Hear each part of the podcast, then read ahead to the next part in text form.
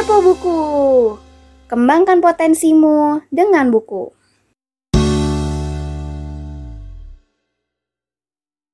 Selamat pagi, siang, sore, atau malam, di mana pun kalian berada. Apa kabar nih kalian semua? Semoga sehat dan bahagia selalu ya. Perkenalkan, nama aku Meta Sutanto dan aku hari ini bakalan bacain sedikit alur cerita dari drama Korea viral yang berjudul All of Us Are Dead dan juga ngobrol-ngobrol bersama bintang kamu kita nih. Hayo, kira-kira siapa ya? Halo teman-teman, perkenalkan nama saya Jessica Teja Kurniawan yang bakal menemani Meta di podcast hari ini. Sebelum aku bacain alur ceritanya, aku mau ngucapin terima kasih buat Jessica karena udah mau menyempatkan waktunya untuk ikut podcast hari ini. Sama-sama aku juga mau berterima kasih karena sudah mau mengundang aku di podcast kali ini. Oke, langsung aku bacain aja kali ya alur ceritanya. Jadi, serial drama Korea Selatan yang berjudul All of Us Are Dead tengah menjadi buah bibir warganet. All of Us Are Dead sampai masuk daftar 10 besar serial paling banyak ditonton di Netflix global. All of Us Are Dead dirilis Netflix pada tanggal 28 Januari 2022 lalu. Serial drama Korea Selatan ini menceritakan tentang siswa yang terjebak di sekolahnya di tengah penyebaran virus zombie. Hal tersebut membuat para siswa dan guru di sekolah berlomba-lomba untuk menyelamatkan diri dari serangan zombie. Serialnya menyebarkan virus zombie begitu cepat dan membuat banyak korban bertuhan dan tidak bertahan hidup. Serial All of Us Are Dead berhasil meraih peringkat pertama serial paling banyak ditonton di Netflix seluruh dunia. Oleh karena itu, All of Us Are Dead merupakan drama Korea kedua yang sempat menduduki pucat global di Netflix setelah Squid Game. Dalam serial All of Us Are Dead, sang sutradara Lee Jae Kyu dan Kim Nam So merekrut para koreografer untuk memerankan para zombie. Hal tersebut membuat gerakan zombie menjadi lebih real dan membuat deg-degan saat kita menonton. Berlatar sekolah menjadikan serial drama Korea Selatan unik dan berbeda dengan serial atau film zombie pada umumnya.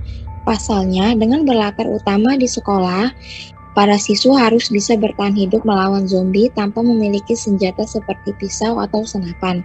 Dengan begitu, para siswa-siswa dipaksa untuk menyelamatkan diri dengan cara yang berbeda. Demikian fakta-fakta menarik seputar serial All of Us Are Dead yang tengah viral di jagat dunia maya. Nah, alur ceritanya sudah selesai nih teman-teman. Sekarang aku boleh tanya-tanya sama kamu ya Jessica. Boleh banget dong. Oke, Jess. Jadi aku udah siapin beberapa pertanyaan nih buat kamu. Aku bacain ya, Jess. Yang pertama, siapa sih pemeran yang kamu suka dan kamu nggak suka di film All of Us Are Dead? Uh, pemeran yang aku suka adalah Yun Chan karena dia baik banget dan dia rela menaruh taruhan nyawanya demi teman-temannya.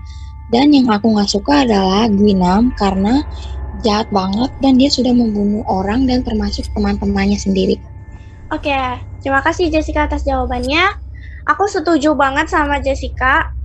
Aku juga paling suka banget sama Chong San karena ganteng banget gitu.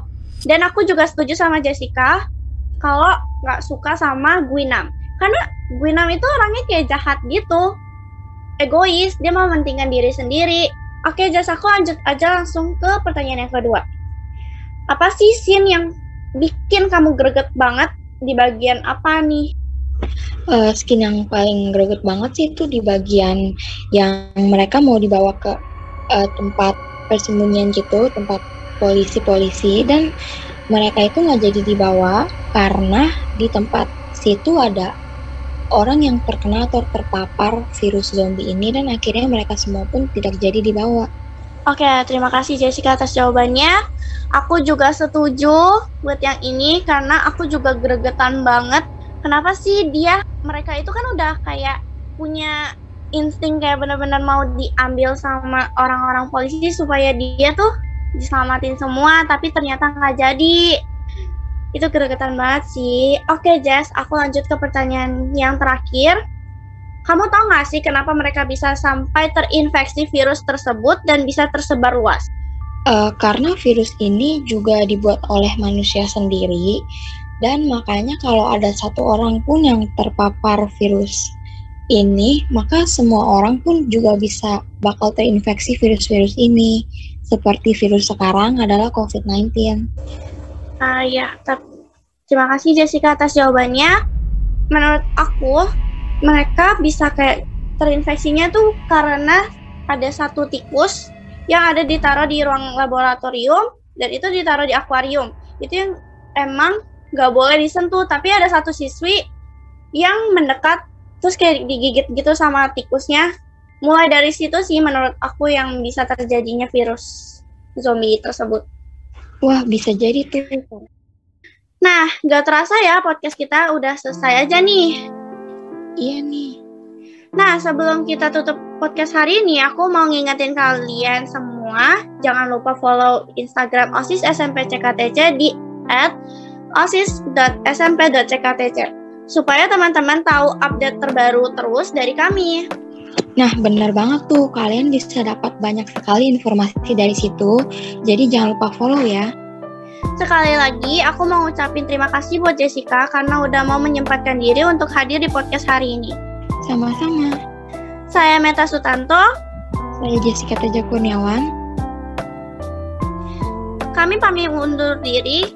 Dan jangan lupa nantikan podcast-podcast kami di episode-episode selanjutnya. Terima kasih. Bye-bye.